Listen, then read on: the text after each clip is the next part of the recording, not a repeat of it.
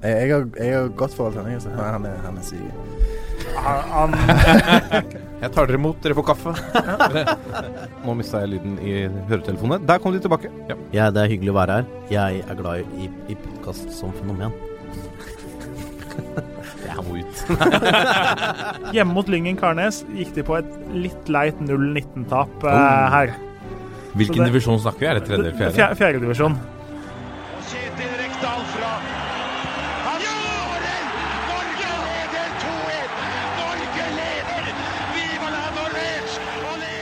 Og der er toppfotball tilbake igjen. Det rulles for fullt, og våre eh, norske eliteserielag er i aksjon. Selvfølgelig i Eliteserien, men også i Europa. Og en av de som ønsker virkelig å stikke kjepper i hjulene for i hvert fall Molde sin europasuksess. Tokmak NGN vært i, i eh, søkelyset nå eh, de siste ukene. Folk, eh, folk maser om eh, landslagsplass. Nå kom bekreftelsen på fredag. Han er med i bruttotroppen, den såkalte lista til Lars Lagerbäck, som skal bli en landslagstropp. Eh, nå står han med syv mål på, og én assist på de siste syv kampene. Det er ikke lett å holde følge. Jeg tror det skal stemme. Tokbak eh, NGN direkte, må vi ja, Direkte i hvert fall her og nå, fra, fra Budapest. Takk for at du er med. Bare hyggelig. Takk for at jeg får være her. Du har eh, Fortell om det siste døgnet. Du har vært i Molde en tur. Ja, øh, så jeg landa jo i dag. øh, dagen etter kampen i Budapest. Så øh, det var en tøff kamp. Veldig, veldig tøff kamp. Eh, Den andre omgangen der var Molde veldig gode. Eh, jeg syns selvfølgelig at vi gjør dem gode også. Vi, vi lar dem eh, presse oss så høyt som de gjør. Og eh, egentlig miste litt initiativet i kampen, eh, selv på 2-0. Eh, så det, det, det er noe vi må ta med oss fra kampen. Men uh, første gangen der så tror jeg vi får vise oss, vise oss, uh, vise oss fram på en veldig bra måte. Og jeg syns vi spiller en bra første gang.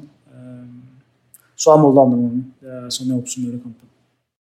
Ble du overraska over Molde i andre gang? Trodde du at dere, for, for etter første gang så, så, så ser dere ut som et mye bedre fotballag. Mm. Nei, nei, jeg ble ikke overraska. Men det er litt sånn Folk, eh, folk må ikke Eller jeg, jeg syns det er litt rart at folk forventer eh, noe annet egentlig eh, i en Champions League-kvalifisering når det er en så viktig kamp. Um, og i hvert fall over to kamper. Vi kommer på bortebane. Eh, vi skårer tre mål på bortebane. Og vi har førsteomgangen. Eh, så Molde må jo gjøre noe eh, for å prøve å få med seg et eller annet her eh, av resultat. Og de kommer ut i andre omgang mye bedre. Presser oss høyt. Så de hadde en bra andre omgang, vi hadde en bra første omgang. Så har vi en hel kamp igjen i Budapest. Ja, Hvordan blir den, tror du? Den tror jeg blir veldig annerledes. Den, nå skal ikke jeg sitte og snakke om taktikk, og sånne ting, men den, den tror jeg de, de, skal, de skal få kjørt seg. Det, så, så ærlig sa jeg også på livesendinga etter kampen at så ærlig må jeg si at vi, vi er favoritter der. Men fordi dere har 3-3 på bortebane Altså, Molde må jo fram og skåre i, i praksis. Dere kan jo surfe dette hjem. Men, men du, har, du sa at dere skal gå ut og, herje på hjemmebane. Ja, ja, vi, vi kan ikke forsvare oss. Vi er ikke et lag som, som ligger og forsvarer oss, spesielt på hjemmebane. Eh, og i hvert fall med de offensive spillerne vi har, så er ikke, vi er ikke de typene til å ligge og forsvare seg hele tida. så når vi kommer på hjemmebane, hvor vi er best, på gress og i tillegg eh, Det var veldig mange spillere som sleit med kunstgresset. Eh, jeg som har spilt på, på kunstgress i så mange år, sleit selv. så eh, det blir en helt annen type kamp, så, så det, det er vi forberedt på. Hvor- ja, for, ja, hvordan, er, hvordan er fansen til Ferencvaros? Er de litt som Altså, Forventer de også at, eh, at dere skal ut underholde hver eneste match, eller er de fornøyd så lenge dere bare går videre? Nei, Champions League er litt eh, Der er det selvfølgelig litt annerledes. Der har vi jo møtt så mange bra lag, og vi er aldri favorittene, egentlig. Men eh, når vi er på hjemmebane, så, så er det store forventninger til oss. Det er det absolutt. Hvordan er det da? Nå, nå bor du i Budapest. Vi snakket litt om det før vi gikk på her. Eh, Jeg har selv vært der et par ganger. Det er en nydelig by, så jeg misunner deg å kunne være der og, og spille ball. Eh, Hvordan har, eh, hvordan har eh, opplevelsen vært i Buda, er i Budapest og, og Ferencvaros så langt? Veldig bra. Jeg trives veldig godt. Så jeg har hatt masse kompiser og familie på besøk, og alle, alle elsker det. Jeg har lyst til å komme tilbake igjen her. Så kona mi er jo her også, og hun trives veldig godt. Så det er jo veldig viktig for meg. Så jeg har trives veldig godt siden jeg kom hit, og så er du selvfølgelig eh, veldig billig også. Så du har jo Du kan jo spise ja, treretters, eh, fireretters eller hva det heter for noe for 200 kroner. Eh, og det er, det, da spiser du godt. Hvordan er stemningen på hjemmekampene når det ikke er covid?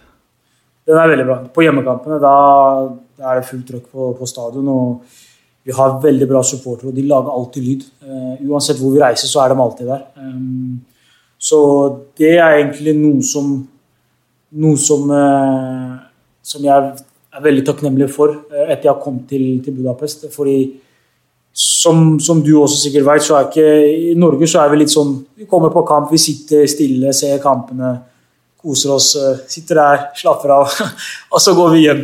Mens her så er det to timer før kamp, full kaos på tribunen. Etter kamp står der og lager samme stemningen. Så det er, en, det er en erfaring å få med seg. Hvorfor tror du det er så Eller eh, hadde du hatt svaret på det, så hadde du vært millionær. Men, eh, eller eh, milliardær, da. Millionær er du sikkert allerede. Men, eh, men, men eh, du liksom, når du ser hvordan fansen er der nede, da Hvis du skulle tatt med deg noe hjem til, eh, hjem til Norge og, og sagt liksom at gjør dette, så kommer det flere folk på banen, hva ville du Hva ville du sagt da?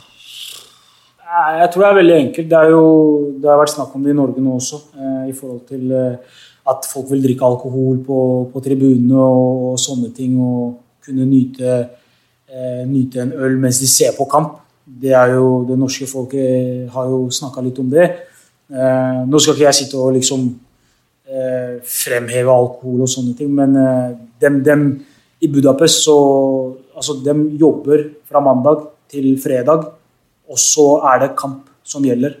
Um, og det er kanskje ikke helt sånn i Norge, men her er det virkelig sånn. De, de går på jobb, og så er det én ting som, som, gjelder i helgen, og det er kampen. og da De lader opp til kampen på, sikkert på sin egen måte, men på, på en helt sprø måte. Uh, de er ikke to-tre stykker om det.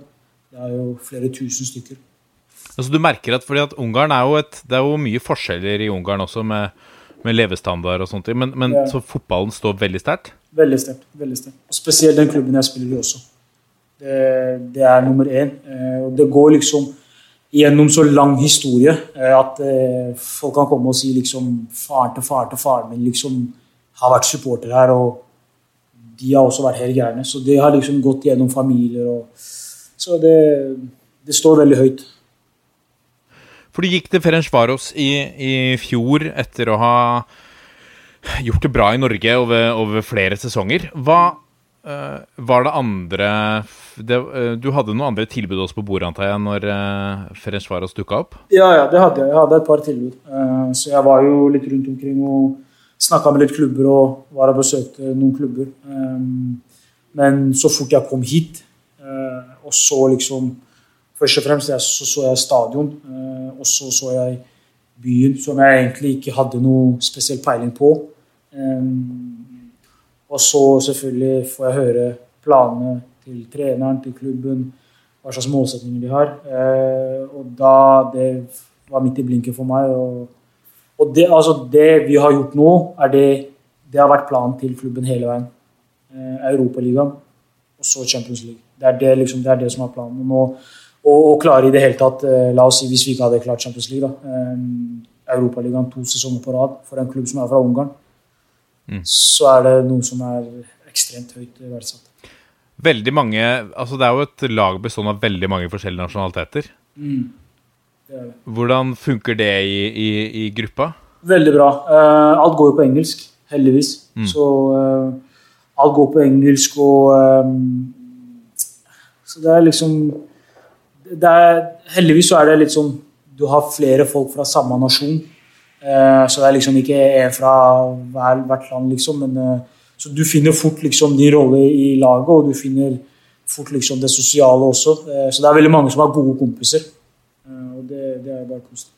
Hvem er det du henger mest med? da? På, henger du noe med, med spillerne på utsida av banen? Ja, jeg henger masse med Frank Bolli og eh, Abraham Frimpong.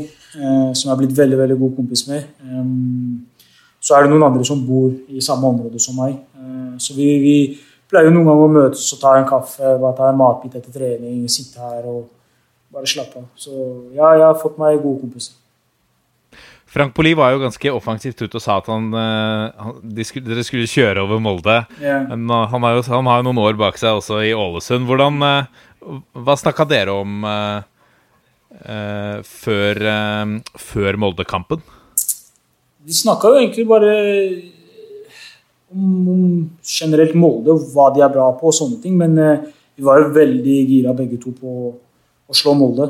Eh, så vi gikk ut med en, en motivasjon om å gjøre det. Og så er det jo selvfølgelig litt, litt spesielt for meg og han som kjenner gutt, noen av gutta der, og som kjenner klubben og spilt masse mot dem. Eh, så det betydde jo masse, og det tror jeg folk la merke til i garderoben etter kamp og, og før kamp også. Så vi, skal fortsette å, å kjøre på, på hjemmebane også.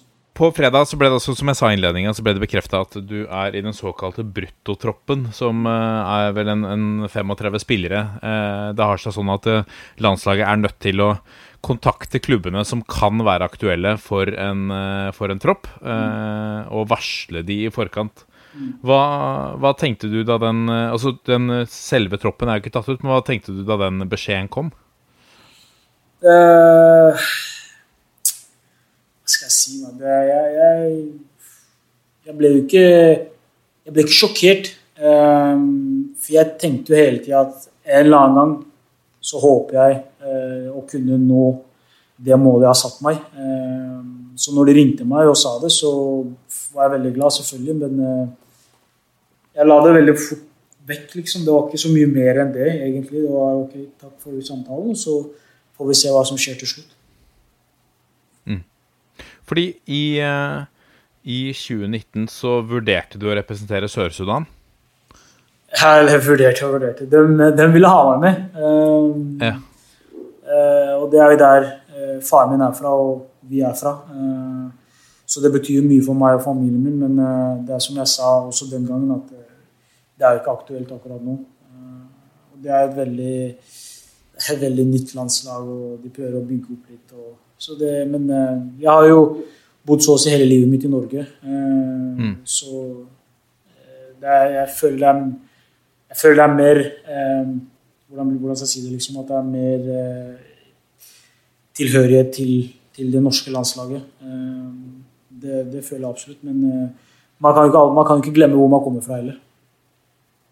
Men har du, du, har du gjort deg noen tanker om at liksom Ok, La oss si at du får en debut, og så, og så blir det med to-tre kamper, og så er det på en måte låst til Norge, og så kunne du spilt masse for Sør-Sudan? Nei, nei, nei, absolutt ikke. Sånn tenker jeg ikke i det hele tatt. Da, det, det, det tenker jeg ikke. Sånn tenker jeg ikke. Jeg tenker Først og fremst så tenker jeg hvis, eh, hvis jeg får representere det norske landslaget, eh, være blant de beste spillerne i landet, eh, så er det noe som jeg har drømt om siden jeg var liten, nummer én. Eh, og så er det noe som, som jeg kan vise til barna mine. Eh, og det, det, det er for meg så er det det største, liksom. Eh, å kunne si liksom Faren din spilte faktisk på det landslaget her, skjønner du.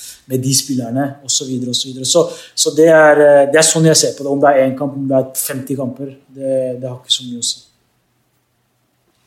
Du starta karrieren din i i, i, eh, i Vind eller i Skjold? jeg, spilte i, jeg spilte i Vind eh, før jeg flytta til Drammen. Så eh, når var det? Når jeg fra jeg var eh, kanskje sånn seks år, sju år, et eller annet som jeg er litt usikker, til eh, før jeg skulle begynne i åttende klasse i, i Drammen. Eh, så jeg flytta hit eh, sommeren eh, 2007. Ja, For hvor holder vinden til, da? Gjøvik. Ja, ok. ok. Ja. Så det, det var Vind det starta i, og så flytta jeg til Drammen, og da var det sjø. Det er, noe, det er ikke noe penger som eh, gikk i kassa til Vind nå når det gikk til Ferencvaros? Nei, det, det tviler jeg på. Men eh, det verste er at de har jo De har jo um, Hva er det det heter? For de skal lage en sånn derre På en måte sånn lite museum eller et eller annet. Eh, og så, så har de veldig lyst til å, eh, til å ha eh, en drakt fra meg som de vil liksom henge opp der og vise folk liksom at jeg har spilt i Vind. Eh, Og for et par år tilbake også, så åpna de en bane på Vind der de ville at jeg skulle komme ned og åpne den banen. Eh, Så de har liksom fulgt med hele tida og sendt meg meldinger. Og, så det, det er kult. Fortell litt om, om eh, oppveksten din. Var, du, var det fotball på deg hele tiden? Var du en av de som var på Løkka 24-7? Hvordan, var, eh, hvordan var fotballen i oppveksten? Det var fotball 24-7. Eh, konstant fotball. Eh, men jeg hadde jo, jeg hadde jo eh, Siden jeg bodde på Gjøvik, eh, så var det Sommeren var det fotball. Vinteren så var det ishockey. Så ja, det var det jeg drev med. Så alle gutta mine spilte jo ishockey, og jeg var egentlig ikke noe spesielt glad i det. Men jo mer tiden gikk, så skjønte jeg at for å henge med dem, så må jeg begynne å spille, jeg også. Så eh, på vinteren spilte jeg ishockey og var veldig glad i det. Og eh, på sommeren spilte jeg fotball. Så det var liksom de to tingene jeg gjorde når jeg vokste opp. Hva slags spillertype var det på hockeybanen? Var det litt samme spillertype som på fotballbanen? Nei, jeg var dårlig, ass. Jeg var dritdårlig, ass. Men eh, det, var, det var kult. Eh, Jeg spilte jo det hele tida på vinteren òg, men eh, jeg sto, jeg sto litt i mål òg, faktisk. På, I hockeyen? Ja, i hockey. Men, Å ja, det, er ikke, det er ikke hvem som helst som gjør det. Nei, men det var, jeg tror det var en eller to treninger eller noe, så var det ut igjen fort. Men eh, jeg spilte ikke så lenge, da, heldigvis. Og så gikk turen til, eh, til Drammen og, og Skjold og, og Drammen ballklubb. Uh, hvor lang tid tok det før, før godset begynte, begynte å lukte på talentet ditt? Det, det tok litt tid. Uh, jeg husker jo jeg husker Strømsgodset begynte å plukke opp yngre spillere fra forskjellige steder i, i Buskerud og sånn. Eh, og da husker jeg at eh, det var når de henta Gustav Vikheim, eh, Iver Fossum og liksom den gjengen fra forskjellige steder. Og da husker jeg liksom at de, de henta ikke meg. Og, så jeg gikk jo, jeg gikk en litt, litt lengre vei enn gutta som, som jeg vokste opp med. Ehm, så jeg tror når de først virkelig, virkelig ville hente meg, var når jeg gikk på videregående. Det var i første klasse eller noe på videregående. Første eller andre klasse, jeg er litt usikker. Og, eh, men det var fordi at eh, Mjøndalen eh, var klare til å tilby meg en kontrakt. Profesjonell kontrakt. Og så kom Strømsgodset og sa ja, vi har faktisk veldig lyst på deg. Og så etter en lang, lang tid med prat og sånne ting, så bestemte jeg meg for at jeg heller ville gå og spille på juniorlaget til Strømsgodset enn å ta min første kontrakt i Mjøndalen. Og det var igjen fordi at det er noe som jeg alltid har lyst til å gjøre siden jeg var liten, men fikk aldri sjansen til det. Så jeg følte at hele tida jeg, jeg, må bare, jeg må bare gjøre det bare for å gjøre det. Eh, og så gikk det heldigvis bra. Hvordan var det i, i gods i starten? For som sagt, du, du, eh, Det tok litt lengre tid før du fikk liksom ordentlig gjennombruddet. Ja. Nei, altså Det tok litt tid, men det var så mye greier når jeg var yngre. Jeg var så mye skada og kom i en periode hvor jeg ikke helt forsto hvor viktig det var å ta vare på kroppen. Eh, så jeg, jeg, er av, jeg er en av de gutta som har vokst opp med kebab og eh, alt mulig rart når jeg eh, var yngre. Eh, så det var aldri noe kosthold. liksom. Jeg visste ikke noe om kosthold. Jeg pleide å spise en kebab rett før jeg dro på, på kamp, liksom. og det var min måte å forberede meg til kamper. Og så til slutt så tror jeg det, det fanga meg igjen. Eh, Det tok meg igjen. Og når jeg da fikk eh, det tretthetsbruddet i lysken eh, første gangen, eh, så skjønte jeg at liksom det, det er seriøst. Eh, og så eh, slo jeg den opp igjen for andre gang. og det var Første gang var seks måneder, så var det ca. seks måneder andre gangen også. Og etter det så, så tok jeg ordentlig tak i spesielt det med kosthold. Um, så det, etter det andre trestesbruddet så begynte ting å snu. Hvordan var det, da? Vurderte du på noe tidspunkt å liksom Altså, det er, det er hardt. Går utover, eh, går utover hodet, det òg, Ja. liksom skulle motivere seg for å komme tilbake. Det var, det var, det var skikkelig tøft. Altså, fordi jeg, aldri, jeg visste jo ikke det å være skadet. Jeg hadde aldri opplevd det før. Eh, som, ja, for det første så liksom, jeg har aldri hatt strek. Jeg har aldri hatt noe, noe plager med kroppen. Eh, så når du først får en sånn skade, spesielt i den, den alderen jeg var i, og i den fasen hvor de som jeg hang med og spilte med og trente med hver dag på min alder, fikk sjansene sine og tok sjansene sine også. Og jeg så virkelig hvordan Strømsgodset satsa på de yngre spillerne også. Så jeg, jeg fikk jo ikke vært med på den reisen, men eh, jeg hadde aldri For jeg husker folk liksom begynte å si ja, nå det her er liksom karrieretruen karrieretruende og sånne ting. Men jeg hadde aldri det i tankene. Det var ikke ett sekund i hodet mitt. Og det er fordi at først og fremst så veit jeg ikke noe annet enn fotball. Så det var liksom, det traff meg ikke. Eh, Så jeg tror til og med hadde jeg fått det tredje gang, så hadde det, jeg hadde fortsatt kjørt igjennom med trening og alt det her for å komme meg tilbake. Så, men eh, det, heldigvis så kom jeg meg ordentlig gjennom det til slutt. Men følte du da For at eh, vi hadde i forrige episode Så snakka vi med Torstein Andersen også. Han er vel like gammel som deg, sånn cirka? Eller kanskje et par år eldre? Ehm, nei, spilte i uh, Stabæk. Uh, har vel lagt opp Han la vel opp tre ganger, tror jeg. Eh, fordi at fotballen ble så seriøst, og han eh, fikk eh, eh, litt sånn prestasjonsangst, og det ble for mye. Det ble for mye stress da knytta til fotballen. Har du opplevd noe, liksom, noe lignende?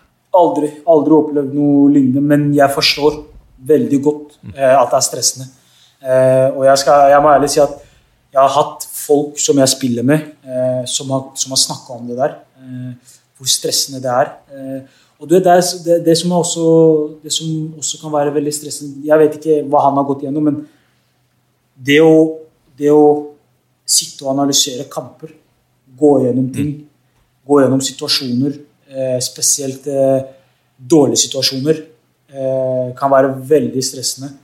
Eh, og der, eh, der har jeg opplevd folk som, som har sagt til meg at liksom, de gruer seg til å, til å sitte og gå gjennom forrige kamp som vi hadde. Eh, kan hende at vi vant, men det kan hende at han har noen bilder i hodet sitt, noen situasjoner i hodet sitt som han er veldig redd for at vi nå skal prate om. Eh, hele laget. Liksom. Vi skal sitte der og analysere de situasjonene. Og, eh, og det, det Det er så tøft, men hva skal man gjøre? Liksom det, det er en del av det vi driver med. Og jeg, jeg personlig eh, har ikke vært igjennom den fasen hvor jeg har tenkt at fotball er stressende. Eh, og det kan hende at gleden kanskje Kanskje han Torstein mista gleden for fotballen. Det er jo ikke, det er jo ikke umulig, det. Men jeg har, jeg har i hvert fall ikke mista gleden. Og jeg gleder meg til å gå ut på banen hver eneste gang. Og hver eneste trening gleder jeg meg til å komme på. Og, så det er kanskje derfor jeg ikke har fått den ennå. Men jeg forstår han godt.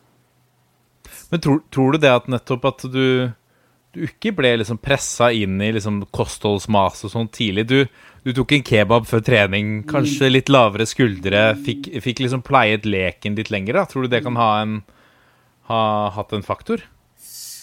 Nei, jeg, jeg, jeg vet ikke, altså. Fordi én en ting er kanskje hvis du veit uh, Hvis du veit hva du må gjøre, men du velger å ikke gjøre det, så er det et bevisst valg på at du heller foretrekker å gå din egen vei. Men jeg visste jo ikke. Så Nei. jeg spiste kebab fordi at jeg, det var det jeg gjorde. Eh, Hadde noen sagt til meg liksom at eh, det der påfører deg bare større sjanse til å bli skada osv., så, videre, så hadde jeg kanskje tenkt litt annerledes, men jeg visste jo ikke det. så Eh, Men det, det, det, kan, det kan absolutt være at det har noe å si. At jeg ikke ble pressa til noe. Det, for det har jeg aldri vært. Jeg har aldri følt noe press, spesielt fra familie. Jeg var en av de som, jeg var en av de som eh, til og med når jeg spilte i Godset profesjonell, så ville jeg ikke at for, moren og faren min skulle komme på kamp. For det, det var presset mitt, liksom. Eh, Ja. Det, det var det. Det var, det var virkelig, virkelig Fordi de var sånn som De støtta meg uansett hva som helst. Om jeg sa at eh, Mamma, jeg slutter å spille fotball i dag. eh, Jeg begynner å spille håndball. Så er det sånn, ja, vi støtter deg 100% Men de har aldri sett meg spille.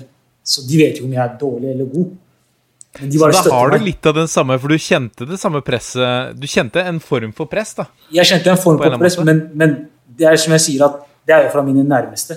Så Ja. det, altså det, det det kan hende, at- Jeg vet ikke med Torstein, men kanskje han kjente på presset fra folk rundt klubben osv. Det, det, da hadde jeg, det hadde jeg ikke likt personlig. Men eh, når det er familie, så selvfølgelig. Jeg tror alle sammen kjenner på press fra familie. Eh, så, men jeg var bare mer redd for å skuffe dem. Jeg ville liksom ikke at mutter'n skulle komme og første kampen hun skulle komme og se, så skulle jeg spille dårlig. Det var den frykten jeg hadde, liksom. Eh, så, men det er jo Har de, har de vært i Budapest og sett deg spille? da? Ja, ja, de har vært der og sett meg spille. Så, Så det, det går bra. ja, ja, nå, nå når jeg var i Godset også, så de var jo på alle kampene og hadde sesongkort og hele pakka. Så alle sitter jo og følger med på alle kampene mine og på TV-en. Så det er ikke noe stress. Men så det var tidligere at du ikke ville at de skulle komme og se? Ja, ja, det var tidlig. Det her var eh, ja, når jeg var, var 16-17 år, liksom. Ja. Ikke ville at de skulle komme.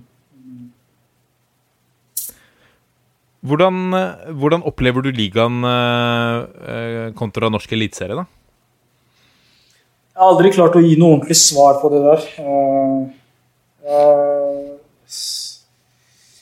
Det er litt vanskelig svare akkurat på det, men eh, jeg tror at jeg og Frank vi snakka litt om det etter kampen mot Molde. eh, I forhold til fysikken.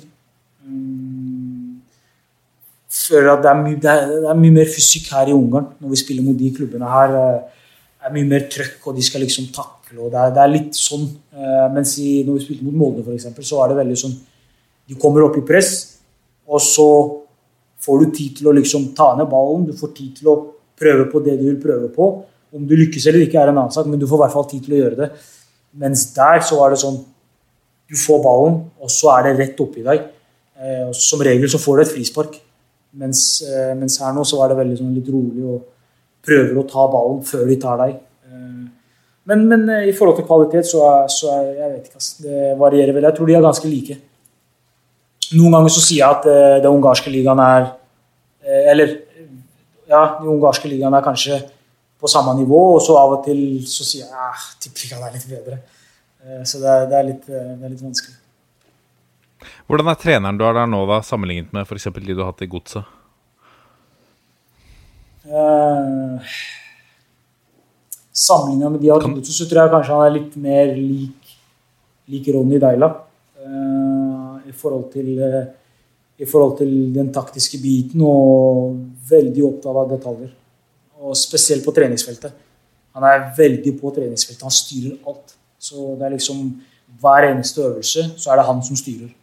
Um, så har du hatt andre trenere som kanskje er litt mer sånn på treninger, så slapper du litt av og lar andre folk styre litt på treningene og sånne ting. Men han er veldig opptatt av å liksom styre alt selv, og alt skal være sånn som han, han vil. Eh, og han er veldig taktisk eh, sterk. Så eh, det er egentlig det er det jeg kan si om han. Så jeg, jeg er veldig fornøyd med han. Jeg jeg tror det er det eh, den gruppa vi har, trenger. Eh, han har klart å få oss liksom til å følge den planen han har.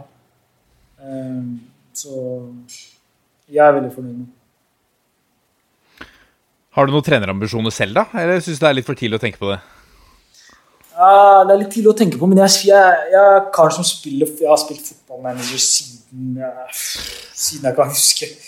Eh, så det, jeg er veldig liksom Fotball er alt for meg. Eh, til og med på hverdagen. Jeg sitter liksom og ser alle eliteseriekampene. Eh, følger med på alt som skjer eh, når det kommer til fotball og, og andre spillere i forskjellige ligaer og sånne ting. Så det er, det er litt kult. Eh, jeg er veldig glad i fotball, men om det er akkurat trener, det vet jeg ikke. Du er jo en god kompis med Amal Pellegrino. Eh, hva tenker du om sesongen hans i år? da? 18 kasser nå. Han setter det, setter det inn eh, stort sett fra overalt på banen. Ja, det er helt sykt. Men, men du vet, når vi snakker litt med folk som skjer, Jeg vet ikke hvor godt du kjenner Amal, eh, men når du snakker med folk som kjenner Amal, og, så er det ingen som er overraska. Det er det som er helt sykt. Så karen har skåret det er, 18 mål, som du sier nå, på 17 kamper, eller hva det er for noe. Og likevel er jeg ikke sjokkert. Nå er det sånn Hver gang jeg ser han skårer mål, eller til og med når jeg sjekker telefonen når jeg ikke får sett kampen, når jeg sjekker telefonen, så ser jeg at det står 1-0 til KBK, så er jeg 99% sikker på at det er Amal som har skåret. Og når jeg sjekker, så er jeg ikke overraska. Så er jeg sånn Det er helt sinnssykt. Men øh, han fortjener det. Han har vært gjennom en lang reise, og vi har vært gjennom noen treningsøkter, bare meg og han, liksom, hvor vi har kriget på og liksom jobba steinhardt for å, for å prøve å komme oss fram. Eh, og at han i dag liksom kan, kan stå fram på den måten han gjør. Og etter min mening, eh, kanskje med, med Jens Petter Hauge, eh, beste spilleren i, eh, offensive spilleren i, i Eliteserien det året her. Så for meg så er det fullt fortjent. Hvor ofte snakker dere sammen? da? Er dere noen som liksom lufter tanker om fotball og, og, og fyrer hverandre, eller? Ikke spesielt fyre hverandre. Det er mer liksom å egentlig bare si liksom at eh, eh, Husk hvor vi kom fra, liksom. Eh, ikke, ikke slapp av nå. Du har skåret 18 mål, men vi begge veit hva rekorden i tippeligaen er, og det er den jeg sier til han, det er den du skal gå for, liksom. Ehm, så det er, det er, drit, det er dritkult. Så vi, vi, har et, vi har et veldig bra forhold, og vi snakker om alt mulig til og med før, vi, før, vi, før, du, før jeg og deg snakka noe sammen i podkasten her, så, så snakka jeg med han. Eh, eh, vi hadde en FaceTime-samtale hvor vi snakka litt om, om, fremtiden og litt sånne ting. Og jeg spør han liksom hva han syns om, om kanskje ting som jeg går gjennom her, og så sier han det samme til meg, og så sitter vi liksom og lufter de tingene her. Eh, og samtidig som eh, familien vår er veldig gode venner. Kona mi og kona hans er veldig gode venner. Vi snakker sammen så å si hver dag. Eh, så det, vi, han er jo som, som, en bror for meg og vært det lenge før alt det her. Det er det som er litt morsomt. Vi spilte sammen i Drammen FK liksom, og var så close. Og, så det er fett. Har du snakka med treneren din, da? Bedt han om å følge med på en, en en viss fyr som dunker inn kasser? ja, hvis, hvis jeg, hvis jeg f.eks. drar herfra, så er det første spilleren jeg skal si er mål. Men uh, jeg er helt ærlig, jeg har sagt han at han må bare konsentrere seg om det han driver med. Fordi det er så, det er så drøyt, liksom. Og jeg personlig har ikke opplevd noe sånt uh, i min karriere. Jeg, jeg, kjenner ingen som har gjort det han har gjort. og det er så sykt det han driver med at uh, jeg tror ikke engang vi er klar over hvor drøyt det er. Ehm, så han må bare fortsette sånn som han gjør. Det er, det er, min jobb som, som kompis å bare sørge for at han gjør det. Men du sier at ingen er overraska. Mm. Hva, hva, legger du i det, da? Har dere, har dere gått og venta på det? Jeg har gått og venta på det. Jeg håpa liksom, når han kom til Godset, eh, når vi spilte sammen, så var jo det noe som, som vi begge to har snakka om før han kom, og at det hadde vært en mulighet, og hvor kult det hadde vært. Eh, og selvfølgelig så, så fikk han ikke spilt sånn som han er best på. Eh, og det, det, er jo masse ja, det er mye ting som spiller inn der, men eh, at han nå i dag gjør det han gjør, så er jeg ikke, så er jeg ikke overraska i forhold til at han har kvalitetene til det. Eh, og hvis du ser hvor mye mål han har skåret tidligere, før han kom til Strømsgodset, så vet alle sammen at han kan skåre mål. Han må spille på det han er god på. Det er det han gjør nå i Kristiansund. Og det er det de dyrker laget sitt spesielt offensivt etter. Um, mm. Og så når han kom i Strømsund, så var det andre typer spillere. og Det var en annen type formasjon og eh, spillere som, som, har vært der lenger, og som, som kanskje treneren heller prøvde å, å dyrke eh, laget litt rundt. Eh, så det er, det er, veldig mye ting som spiller inn der, men uh, det er, det, er, det jeg legger inn når jeg sier at jeg er ikke overraska. Dette er toppfotball. Hvordan ser, en, eh, hvordan ser en dag ut i, i, i en vanlig uke for deg, Tokmak? Ja, veldig rolig. Eh, treninger eh, så å si hver dag. Står opp, eh, står opp eh, kvart over åtte. Eh, og så er det rett på, på, trening og spise frokost og gjøre seg klar til en trening. Og så er det hjem og eh, koble helt av. så kan det hende at det er en Når vi har én kamp i uka, så er det mest sannsynlig to, to treninger om dagen. I hvert fall to ganger i uka. Nå er det jo to kamper i uka, så er det én kamp bare. Én en trening bare. Men, eh, så det er en veldig enkel uke, eh, egentlig. Ferdig på, på trening rundt ett. Så er jeg kanskje hjemme halv to-to. Hva bruker du tida på da, når du kommer hjem? Spille, spille Call of Duty, Fifa, football manager. Se fotball. Det er ingenting altså Jeg er karen som, som sitter hjemme 24-7. Jeg trenger ikke å gå ut på en hel uke, liksom. Så jeg er en veldig kjedelig type, men eh, det er Så du har klart deg så... godt under covid, da? Hæ? Du har klart deg godt under covid? Ja, ja, ja for det, det, har ikke vært noe problem for min del. Så jeg, jeg har bare tatt det helt med ro. Og, men det er litt sånn Til og med når vi reiser på treningsleirer og sånne ting, så er jeg så komfortabel at det er helt sykt. Folk, folk går lei de siste dagene, liksom. Mens jeg er bare sånn Jeg slapper av, liksom, og kan fortsatt gjøre det her i to-tre uker til etter vi har vært her i to uker allerede, liksom. Så Selvfølgelig man savner familie, savner familie og kompiser og sånne ting, men til syvende og sist så er det en jobb jeg driver med, og jeg vet at det her er livet, liksom. Og det er så kjedelig. Hvor lenge tror du at du kommer til å spille, da? Kjenner du på kroppen, liksom? Det er bra spørsmål, altså.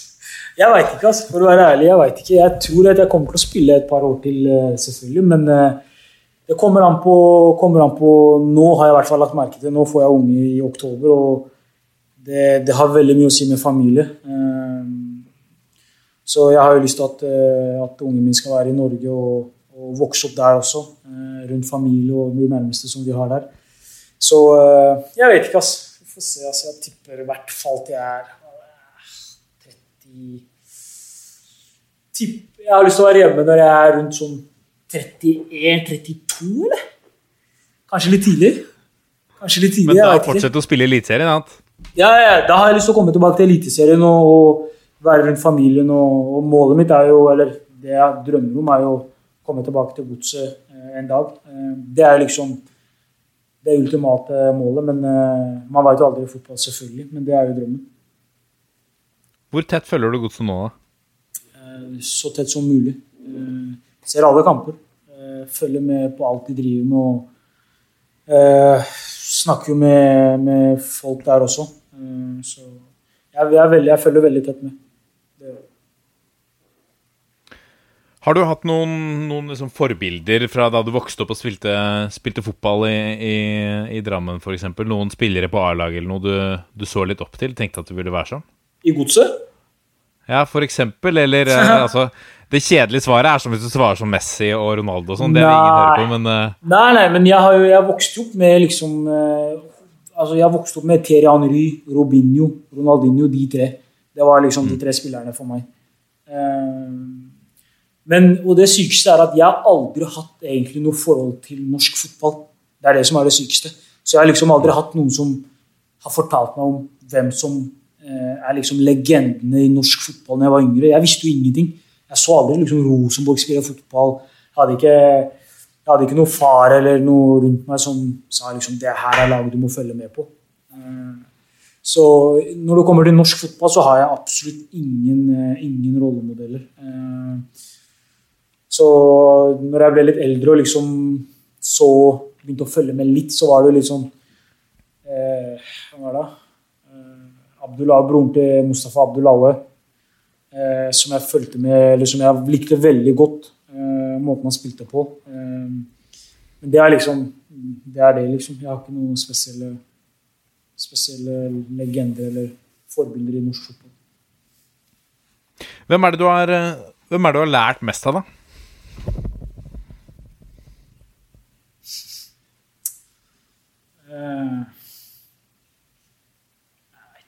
Jeg, jeg har spilt så mye fotball, helt ærlig. liksom. Det har vært så mye løkke, løkkefotball, det har vært så mye med kompiser at det er liksom Vi kan se på noe på YouTube og har lyst til å gjøre det liksom på Løkka. Eh, det har aldri vært noe liksom Dra på en fotballkamp og se en spiller gjøre noe og lyst til å gjøre det samme han gjør, eller kopiere måten han spiller på. Aldri hatt noe sånt. Så alt jeg har, har vært liksom fra Løkka, og alt jeg har lært, er spill på instinkt. Så eh, når, til og med når jeg var i Godset, så jeg så jo det der, den reportasjen med, med Jostein Flo og sånne ting når vi spilte mot Molde nå, hvor han liksom sier at Tokmak er eh, en av Norges beste én mot én. Og når jeg har fått de spørsmålene liksom, eh, i Godset, hvordan har du blitt så bra én mot én, så har jeg et enkelt svar på det, og det er at jeg har spilt én mot én på Løkka. Det er liksom det er svaret mitt. Jeg har spilt så mye én mot én at eh, til og med når vi spiller vi er seks-sju stykker, så spiller vi én mot én. Alle sammen skal prøve å drille hverandre, liksom. Eh, og det er liksom Det er min måte eh, å, å ha eh, oppdratt meg selv på, på en måte. Eh, så jeg har ikke hatt noen spesielle forbilder. Jeg har ikke hatt noen sånne ting. Hva tror du om liksom kids nå, da? Tror du at de eh, Dette er sånn stadig spørsmål som man ofte snakker om. da At liksom, ja, kid, Kidsa i dag de er ikke på Løkka lenger. Men uh, hva uh, Den én-mot-én-greia som du snakker om der, da er jo med på å forme deg som fotballspiller. Tror du, tror du liksom at fremtidens fotballspillere blir like Like vasse, eller mister de når de ikke er, hvis det ikke er så mye på Løkka? For meg så er det sånn at når jeg ser de yngre spillerne nå, så syns jeg de er så like. Jeg syns alle har samme type teknikk. Eh, alle har samme type touch. Eh, så for meg så er jo det Jeg tror svaret er fordi at det, det er så mye organisert allerede så lite, så små, liksom, at eh, alle liksom trener på de samme tingene og sånne ting. Mens eh, i min tid så var det Du hadde en vanlig trening med laget ditt, og så var det rett etter det så var det alle ble igjen og spilte og gjorde det vi hadde virkelig lyst til å gjøre.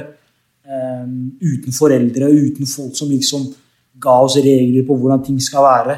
Um, så det, det er noe som jeg tror eh, dagens, eh, dagens unge mister litt. Men samtidig så er de så bra teknisk at eh, det er så høyt nivå på det, tror jeg. Eh, at Du ser jo allerede nå med de yngre spillerne. Du har jo Ødegaard selvfølgelig og, og Braut og den gjengen der. Men det er jo liksom det, det, er, det er svaret du har fått gjennom den type trening. Så selvfølgelig har de gjort noe riktig, men eh, det, det, det blir jo ikke det samme. Det blir det ikke. Eh, hva er din største eh, fotballopplevelse, da? Det må være Europaligaen, gruppespillet. Det, det har vært det største, største for meg, tror jeg. Spille mot den type motstand. Eh, også spesielt kvalifiseringen. Komme oss gjennom den type reisen. Det var, det var så tøft liksom at eh, når du til slutt klarte det, så tenkte jeg wow. Det, den følelsen her, liksom, den, den tror jeg ikke du får så ofte. Eh, så det er egentlig det er det, det er det svaret jeg har. Og så har jeg jo mot Molde nå, eh, når du hører Champions League-sangen, så fikk jeg frysninger med en gang.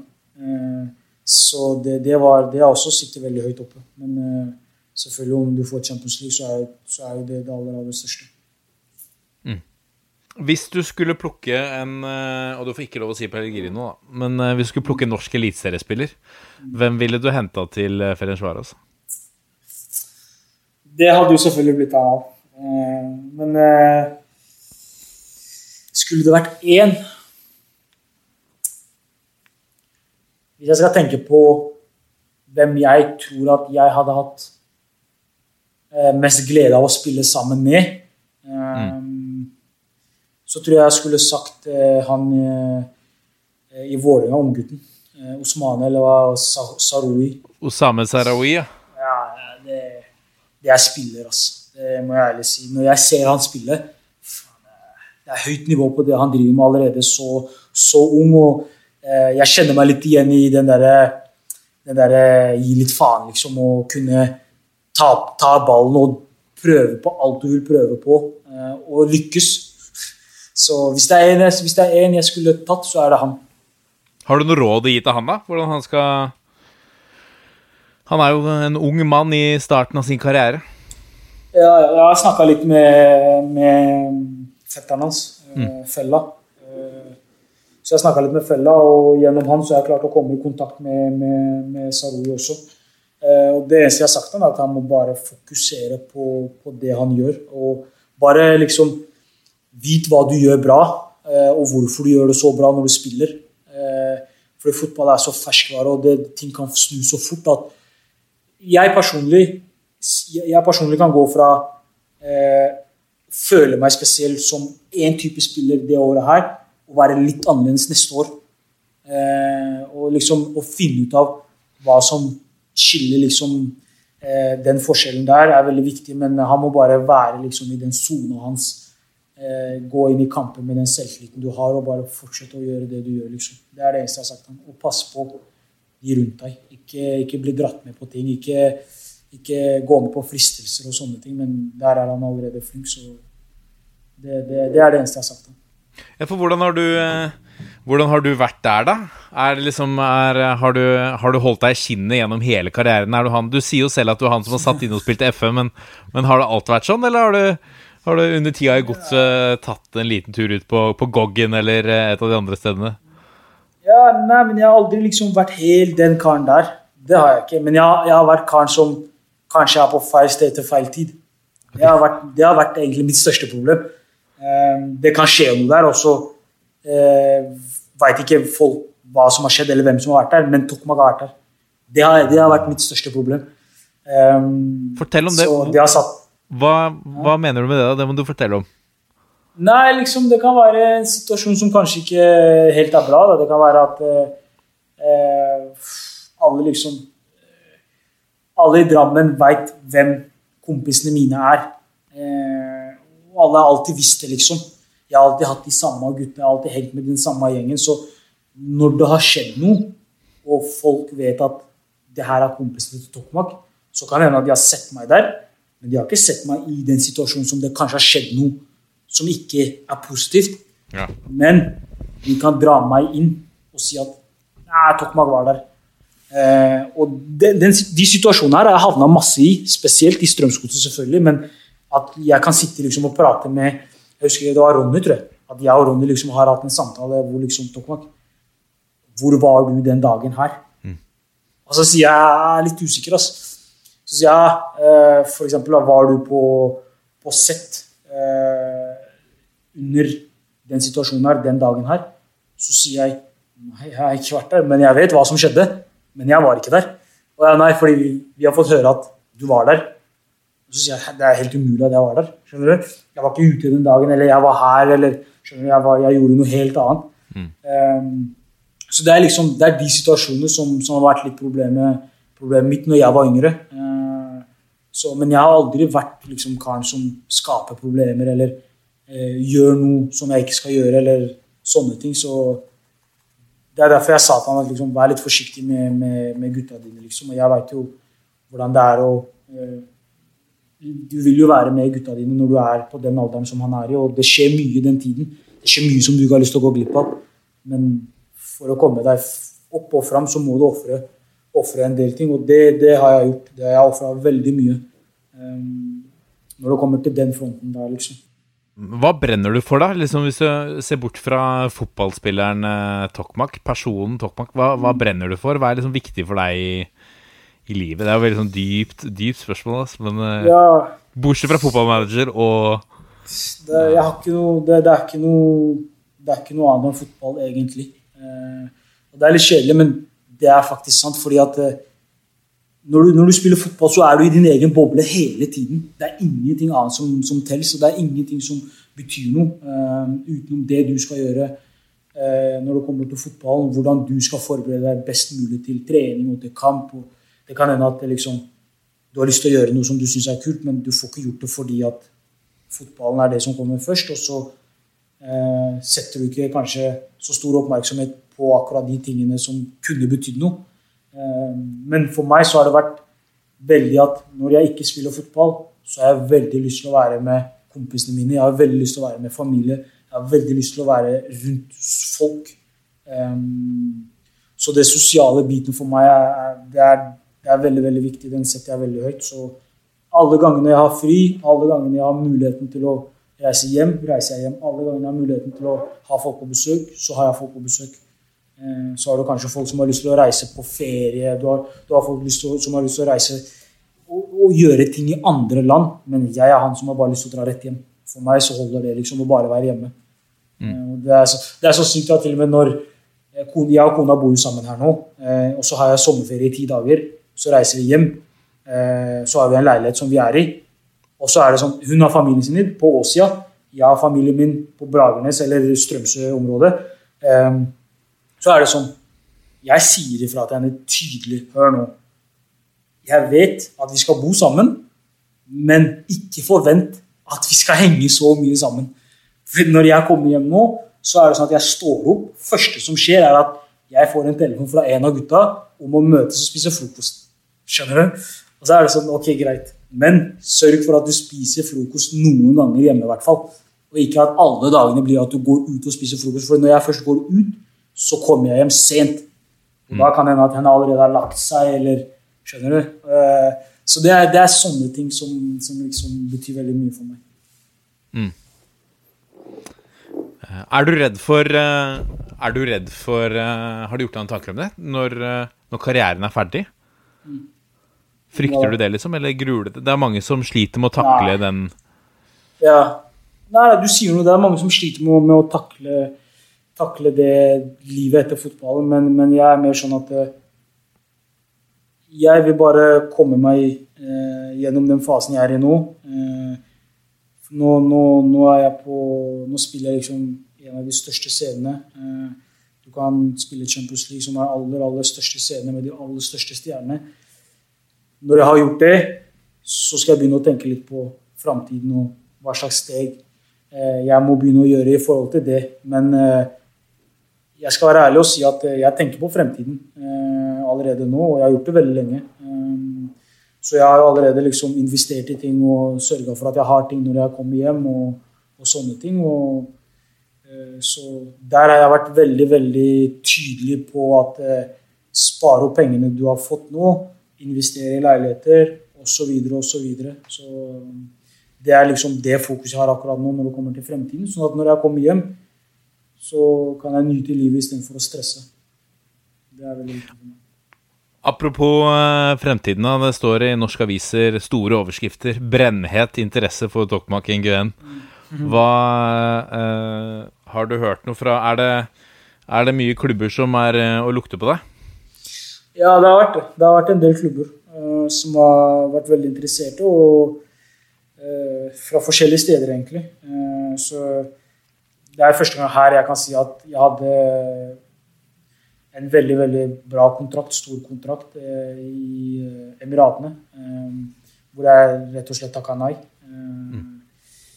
Og det, det var jo mest egentlig fordi at eh, timingen var litt dårlig. Eh, familie. eh, kona mi er høygravid.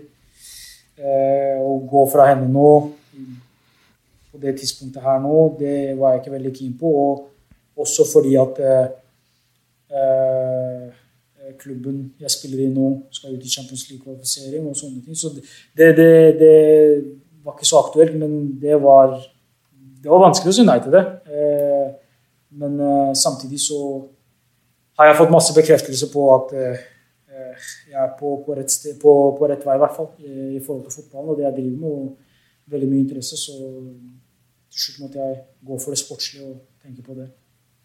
Hva sier klubben, da? Er de liksom Er de ok med å, å cashe inn, eller liksom ser de helst at du blir og hjelper de til CL? Ja, det skjer ikke. Det salg her det, det er veldig Altså, de har satt en veldig høy pris på meg. Veldig, veldig høy pris. Eh, Vet du sånn cirka med det, eller? Nei, Jeg kan ikke si hvor mye det er, men det er, den er ganske høy. Eh, og, og det er sånn at eh, Det er sånn at liksom toppklubber i, i Europa, i bra ligaer nå, liksom har sagt at det altså, Vi er villige til å betale, men så mye, det skjer ikke, liksom. Det, det er helt uaktuelt. Og, Mm. og det er grunnen til at de gjør jo det, er fordi at de har planer om å komme seg inn i Champions League.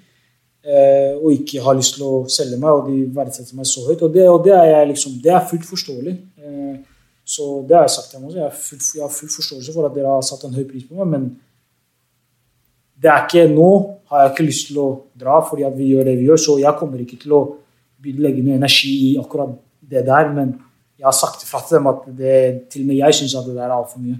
Så de, de er klar over det.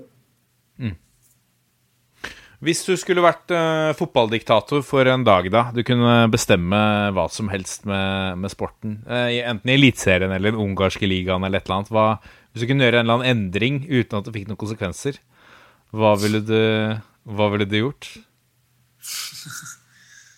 Ja, det er et vanskelig spørsmål. Altså. Hvis vi skal snakke om Ungarn, da, først og fremst, så er det kvalitet på de dommerne her hadde jeg bytta ut med en eneste gang. Eller jeg hadde sørga for at, eh, eh, at eh, nivået for å dømme fotball eh, generelt eh, bør være på et visst nivå. Fordi at det er så mye rart her i forhold til det der. Eh, nå snakker vi om Ungarn. Så det, det er det første jeg hadde gjort her. Men Men er det dårligere enn Eliteserien? Ikke det at Eliteserien er sånn kjempedårlig, men er det Eh, Eliteserien, det har vært mye snakk om dommere den sesongen her. De har fått veldig mye, ja, de har fått veldig mye oppmerksomhet. Så det, det Igjen da, så er det sikkert på samme nivå som, som Tippeligaen, men eh, Eliteserien. Men eh, altså, det har vært så mye dårlig dømming at det er helt sykt. Så eh, for meg så er det helt Noen av de dommerne det er helt sinnssykt at de dømmer ennå, liksom. Så, så dårlig er det. Så har jeg bedt deg sette opp din uh, fire norske fotballstjerners middag. Uh, hvor du er en av eh, gjestene, selvfølgelig. Så skal invitere tre, tre stykk. Enten det er spillere eller trenere eller ledere eller eksperter eller uh, hva det måtte være. Hva, hvem inviterer du, og hva hadde du diska opp med? første som kom i hodet mitt, eller faktisk andre som kom i hodet mitt Første, det er nummer én, det er Mohammed Keita, fordi at Han, er, eh, han hadde skapt veldig bra stemning, det er nummer én. Og nummer to så tror jeg at jeg vil ha en sånn gruppe som kan utfordre, utfordre hverandre litt. Så jeg velger å ta med Mohammed Keita. Så velger jeg å ta med Faen, det står mellom to her nå. Eh, Jesper Mathisen. Jesper eller Gauseth? Gauseth, Jeg tar med Gauseth. Christian Gauseth, Mohammed Keita, Christian Gauseth og Bernt Hulsker. Det, det var han som eh, når jeg med deg i sted, det var han som kom i hodet mitt med en gang. Jeg syns han er så morsom. Eh, og Han er fotballfaglig sterk, men han er så morsom at det er helt sykt. Jeg, jeg kan sitte og se klipp av han og bare le og le. Um, og så Gauseth fordi at eh, jeg vet at uh, Mohammed og Christian Gauseth i et rom det kunne bydd på mye rart. og Det kunne, kunne gått uh, veldig bra, og det kunne gått veldig dårlig. Uh, så det er grunnen til at jeg tar med de. Ja, fordi Keita er ikke redd for å, å, å by på seg selv med noen offensive Nei. uttalelser. Ikke Gauseth heller. Nei, akkurat det. Ikke Gauseth heller. Men eh, nå kjenner jeg begge to. og Jeg har spilt med Gauseth, så Gauseth er jo en veldig fin fyr. Og jeg personlig liker han og har spilt med han og satt pris på hvordan han virkelig passa på meg og liksom tok meg imot og sørga for at jeg alltid eh, eh, var komfortabel og sånne ting. Så jeg, jeg liker Gauseth veldig godt. Og han er jo veldig eh, Fotballfaglig også så er han bra eh, i forhold til når jeg var i, i Mjøndalen og eh, på treningsfeltet og sånne ting. Så jeg har bare positive ord å si om Gauseth. Jeg, jeg digger han. Eh, så er det Keita som, som jeg tror eh, er en fin miks å ha i, den gjengen her. Eh, kan prate litt og eh, både, både positivt og negativt. Så eh, det er derfor jeg tar av meg. Og så er han jo selvfølgelig en av mine aller, aller nærmeste kompiser. Det er som en bror for meg på nivå med, med, med, Kite, med Amal. Så det er de to som jeg snakker med så å si hver dag. Hva tenker du om Christian Gauseth? Han var ute og fyra litt i, i Var det i pausen eller etter matchen mot eh, nå i Mm. Helga? det. Jeg så Eh, det. eh, hva, hva tenkte du da, når du hørte utspillet, liksom? Nei, jeg tenker først og fremst eh, at hadde jeg vært i den garderoben der, så hadde jeg aldri snakka til Gauseth, egentlig. Det er det jeg tenker først og fremst. Jeg hadde aldri snakka til kapteinen min igjen hvis det er han som står og, eh, og, eh, kjører oss på den måten. Vi vet at vi spiller dårlig, men at kapteinen skal stå, stå fram på den måten, eh, det hadde jeg ikke satt pris på. Men samtidig så har han jo helt rett. Hvis det er folk som er ute på banen der og, og ikke tør å, å å spille ball. Jeg har vært i den, den situasjonen der før hvor jeg har følt at spillere gjemmer seg og sånne ting. Eh, jeg, jeg er ikke fan av det i det hele tatt. Eh, om du føler at eh, du er redd for ballen, så er det nesten bedre å bare gå bort til treneren og si at liksom bytt meg ut, liksom. Men det er min mening. Men så jeg, jeg forstår hva han sier, men ikke på den måten. Jeg hadde aldri personlig akseptert noe sånt. Eh, så jeg vet ikke hva de snakker om i Mjøndalen, og hvordan de håndterer det der. Nei. Hva ville du laget, da? Du, har du noen spesialiteter på kjøkkenet? Eh, jeg hadde laget eh, en eh, tradisjonell rett som uh, mutter'n pleier å lage. Eh, eh, det heter anjera, heter det. Eh, Ja, ja, Så ja. folk fra, folk fra Etopia, eh, Sør-Sudan, Sudan, eh, Eritrea, Somalia. De, de spiser den retten her. Og det er litt sånn Hva skal jeg forklare det? Det er sånn- Det er på en måte sånn pannekakeaktig rett. Eh, eh, med forskjellige typer sauser og, og Den er helt ekstrem. Det er favorittretten min. Eh, Mm. Så den, den hadde jeg, den hadde jeg diska fram. Dette er toppfotball.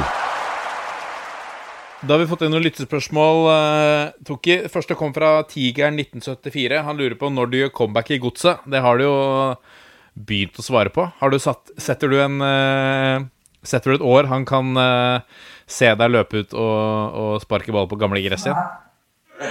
Her, akkurat år har jeg ikke, altså, men så lenge kroppen liksom eh, er bra nok til å fortsette å spille hjemme når jeg kommer hjem også, så kommer jeg til å komme tilbake. uansett. Det, det er planen, men selvfølgelig, liksom, man veit aldri. Eh, Og eh, jeg skal jo komme tilbake i bra form. Jeg skal jo komme tilbake som en sliten spiller og ikke kan bevege meg. Så jeg skal sørge for å være i en bra form når jeg kommer også. Så får vi se med det. Din eh, gode venn Amal Pellegrino spør hvordan er det å ikke sitte ved siden av ditt største idol Pelle i garderoben lenger? Nei, det er trist. altså. Det er ikke bare det er mitt største idol. Det er, det, er, altså, det er en av mine aller, aller, aller nærmeste kompiser. Eh, så når vi var i Strømsgodset og i Mjøndalen også det, altså, Å kunne dele, dele garderoben med, med bestekompisen sin, eh, det, det er noe helt sinnssykt. Man skaper jo, man skaper jo uh, relasjoner og, og sånne ting uh, i miljøet her og i klubben, men Eh, Og sånn som nå har jeg jo et veldig bra forhold til Frank og til, til Frimpong på laget her. Og de ser jeg på som veldig veldig gode kompiser, men selvfølgelig ikke på det nivået som, som er nå. Så det, jeg savner veldig jeg veldig. Men jeg vet kanskje en dag vi er tilbake med Anna. Chiller'n i garderoben. og Amal er jo treigeste karen du finner også, så jeg kan være ferdigskifta og sitte og vente på han i over en time. liksom. Var Hva bruker han tid på? han bruker tid på alt. Han bruker tid på å snakke, han bruker tid på å dusje, han bruker tid på absolutt alt. Det er helt sykt. Så eh, det der, er, det der savner jeg ikke. Men eh, sånn har det vært siden, eh, siden Drammen FK-tidene. Jeg satt i garderoben som en 16-åring og venta på han i faen meg to timer hele tida.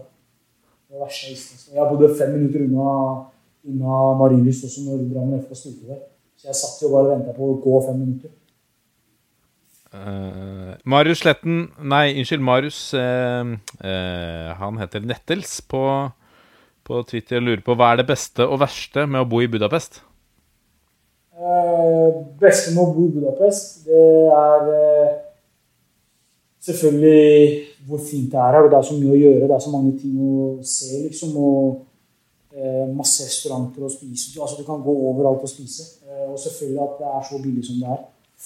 Eh, verste jeg har, ikke, jeg har ikke så mye dårlig å si om Budapest. Eh, kanskje at eh, Kanskje at det er så mye ting å gjøre. Eh, For når jeg har gjester, så må du, du, du liksom Du må gjøre alt. Eh, Så det er kanskje for meg personlig, eh, siden jeg liker å sitte hjemme og, og heller spise middag hjemme. eh, Så når det er så mye å gjøre, så har alle lyst til å finne på noe. Liksom alle, har, alle har tips og ideer om å gjøre ting, og da det kan være litt mye. Men eh, det er ikke så mye negativt å si.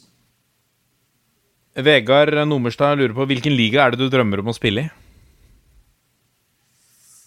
Uh, som ung så har jeg alltid sett på Alle ser på Premier League.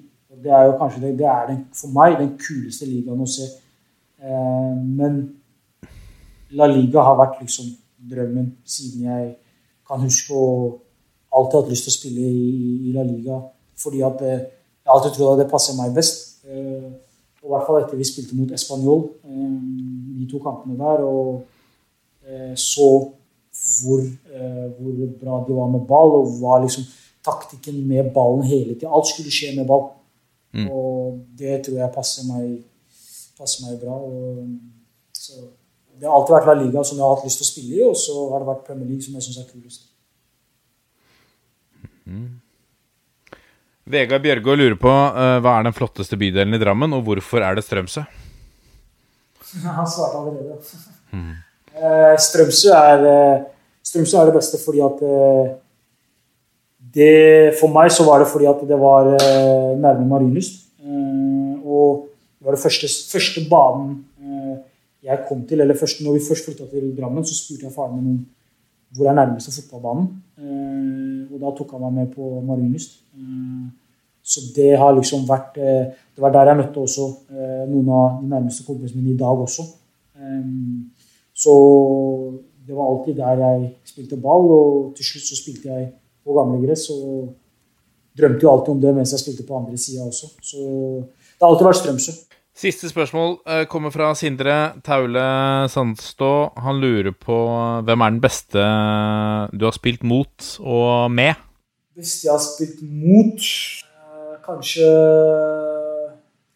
Mario Fernandes i CSKA Moskva. Eh, Som jeg syns var eh, Han var så vanskelig å ta ballen fra. Han spilte jo, han var back, men han var jo en ren kant. Han var ren angrepsvåpen helt alene, liksom. Um, veldig vanskelig å spille mot ham. Veldig vanskelig å forsvare seg mot ham.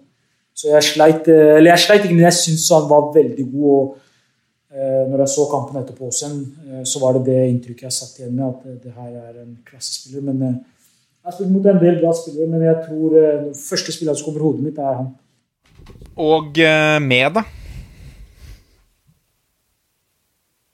Med må jeg kanskje si eh, Ødegaard, eller er det litt forskjellig? Nei, det må du jo kunne si.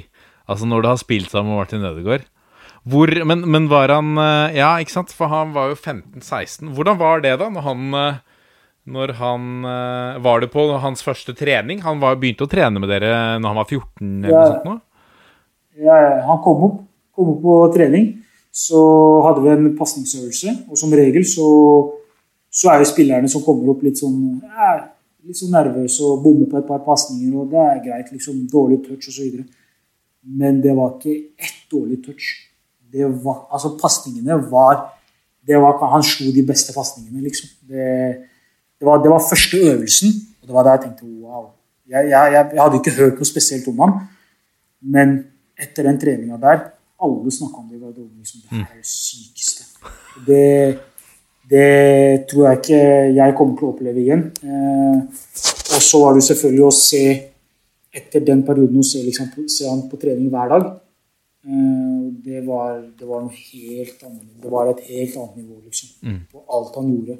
Og jeg husker liksom Spilte mot han, og du kunne aldri ta ballen fra han. Det gikk ikke an å ta ballen fra han. Du måtte vente på et dårlig touch, og det var, det var veldig sjeldent. Så jeg svarer alltid Ødegaard, selvfølgelig. Men noen ganger så syns jeg det er litt kjedelig å si det, fordi at hvis du spør liksom hvem har du spilt med, og, du, og jeg nevner Ødegaard, så selvfølgelig er det Ødegaard med en gang du, du forstår at jeg har lyst til å svare. Men hvis jeg skal ta noen andre utenom Ødegaard, ehm, så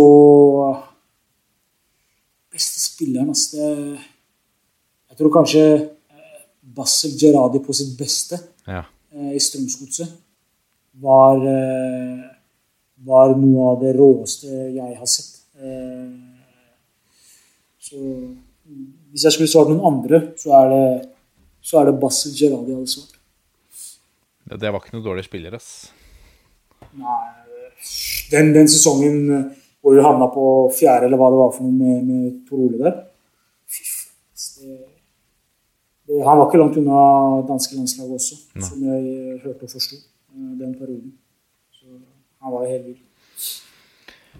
Tokmak, eh, dette har vært en, eh, en ære. Det var gøy å bli litt eh, bedre kjent med deg. Veldig morsomt å, å følge deg videre. Og lykke til på tirsdag. Takk for det. Ja, onsdag er det. onsdag. Onsdag er det. onsdag er det Da, da vet vi i hvert fall at ok, da har vi en Enten så blir det et norsk lag, eller så blir det en, en norsk spiller i, i Champions League. Det er i hvert fall fint å vite. En til. Um, så ønsker jeg masse lykke til, og så får vi ta opp tråden igjen når du har stukket til Emiratene eller, eh, eller et eller annet annet sted for å høre hvordan det står til.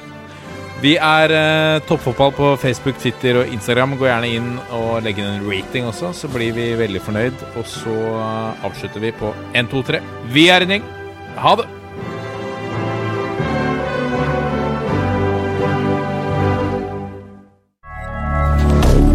Moderne media.